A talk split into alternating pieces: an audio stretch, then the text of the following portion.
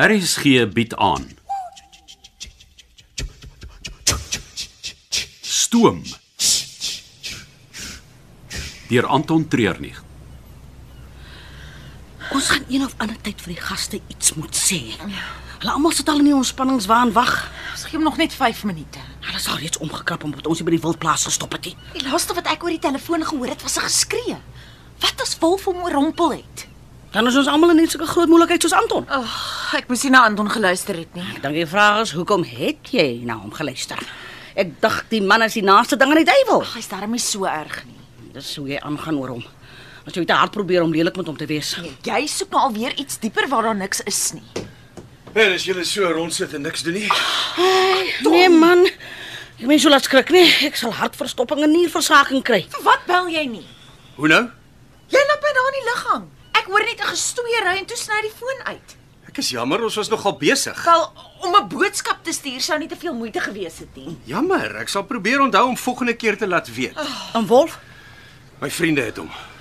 wat gaan hulle met hom doen? 'n Paar vrae vra en hou as sekuriteit. Sekuriteit. Môreoggend die tyd gaan Richard Minnie uitvind sy koper staan leë hande by die hawe. Hy gaan nie gelukkig wees nie. En Wolf is ons versekering teen vergelding. En hierdie koffer. Anton, jy het beloof dit kom nie weer terug trein toe nie. Ons moet vir Richard van ons nekke afhou. Ag, ek kan nie glo ek het jou vertrou nie. Ah. Nina. Sy wil nie na rede luister nie. Jy het vaag gelieg en dis al rede wat 'n vrou nodig het.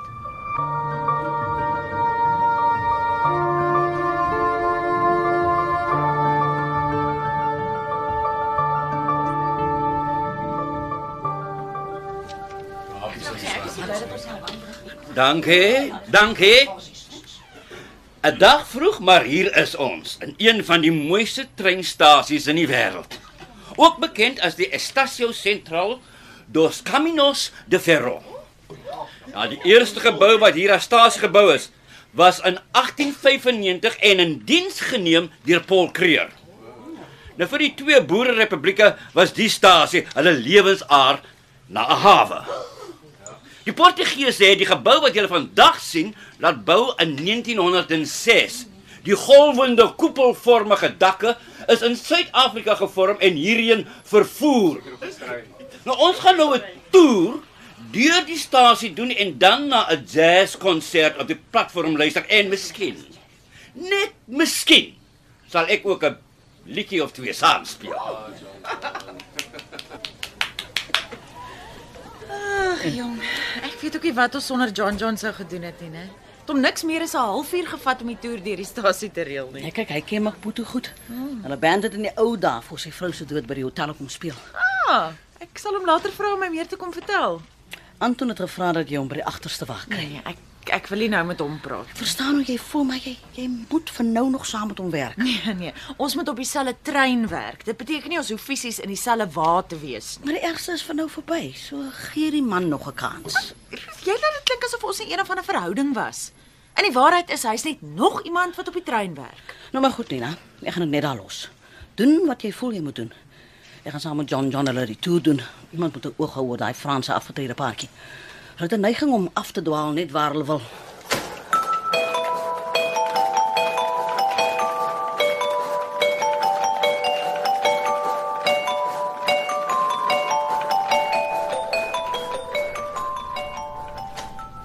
Jy wil my sien? Ag, oh, maak gou vir my die kluisdeur oop asseblief.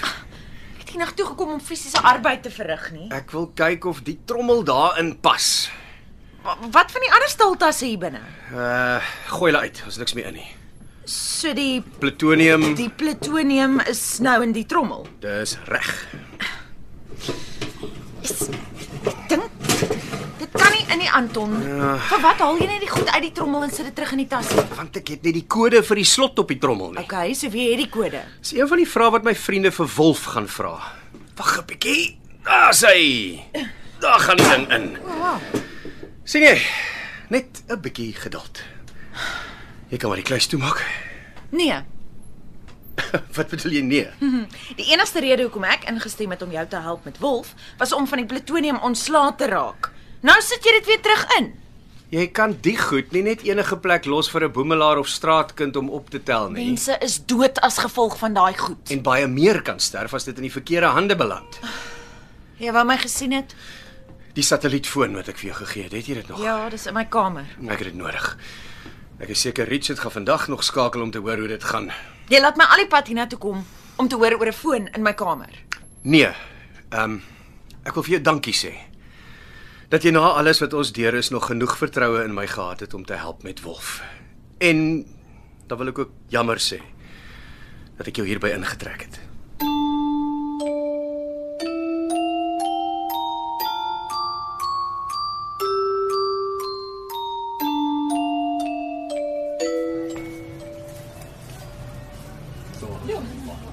Nou reg oor kan die treinstasie. Is die bazaar die Baisha met 150 verskillende stalletjies. Nou daar is nog 'n halfuur voor voor die jazzkonsert net genoeg tyd om 'n paar dollars te gaan spandeer. En daar gaan hulle.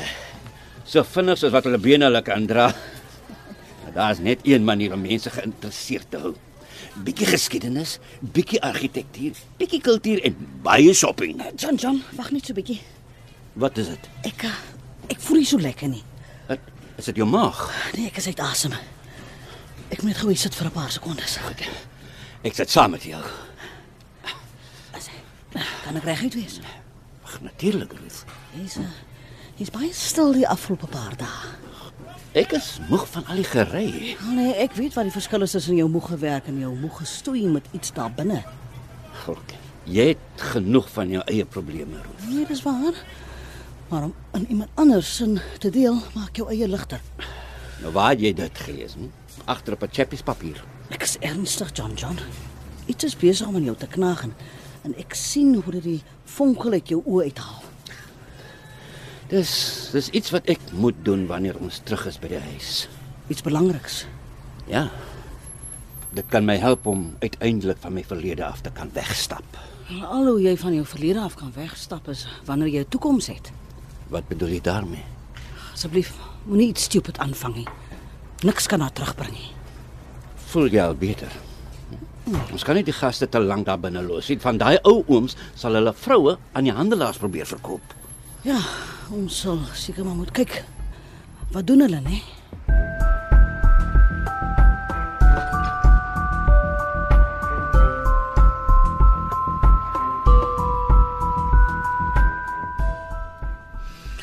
Is die foon?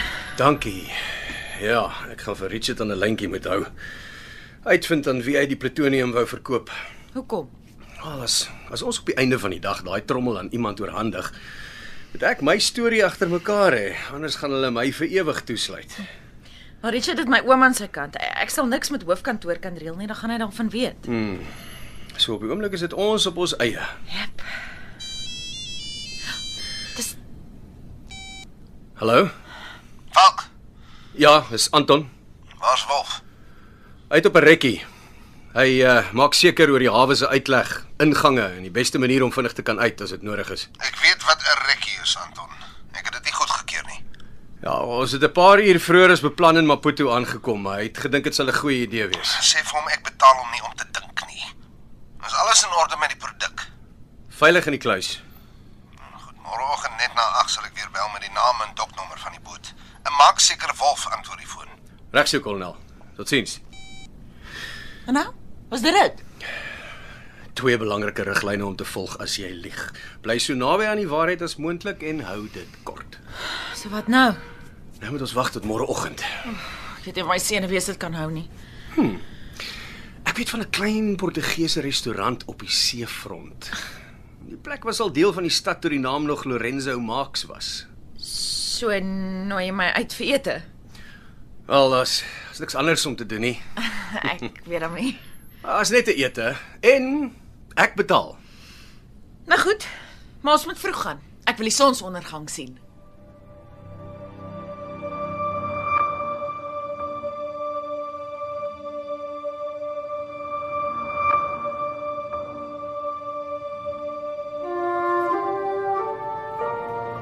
Dis die eerste.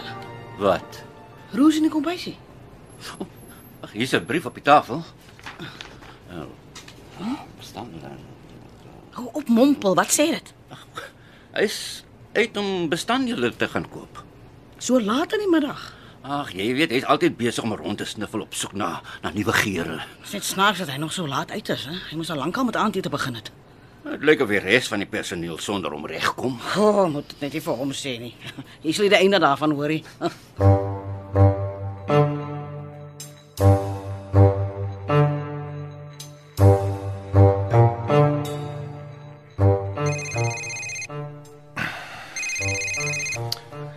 Ah, Rudebois. Gewonder wanneer gaan jy my bel? Nou toe, uit daarmee. Wat gaan aan op daai trein?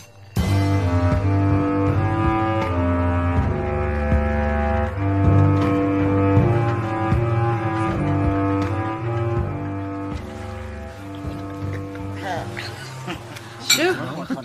Het jy gespeel toe jy gesê dis 'n klein plekkie nie? Ja, meer van 'n huisrestaurant. Die dogter bedien jou, die ma maak die kos en die pa skinkie wyn.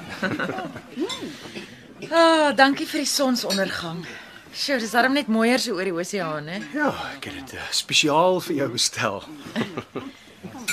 Ek ehm ek wil nie jy moet idees kry nie. Die is net te ete. Natuurlik. Ja. eh, Ek is in elk geval nie goed met die verhouding ding nie. Ja, oh, jy kan nie slegter as ek wees nie. Dink jy ons het begin vergelyk nie anders gaan dit al wees waar ons vanaand gaan praat. ja, nee, jy's reg. Uh, hoe gaan dit met jou dogter? Sy's 'n regte tiener. Eendag is jy die beste pa en vir die volgende 100 dae is jy 'n fossielagtige draak. Ag, Sy sal uitgroei. wil eintlik hê sy moet nie want dan is sy groot. Ja. Ek het so baie van haar kinderjare gemis. Ek neem aan mens kan dit nooit opmaak nie. Nee, ag, al wat jy doen is seker maak dat jy in die toekoms daar's vir haar. En jy? Vir wie moet jy in die toekoms daar wees? Die trein, my personeel. Maar ek moet sê, baie keer wens ek vir meer.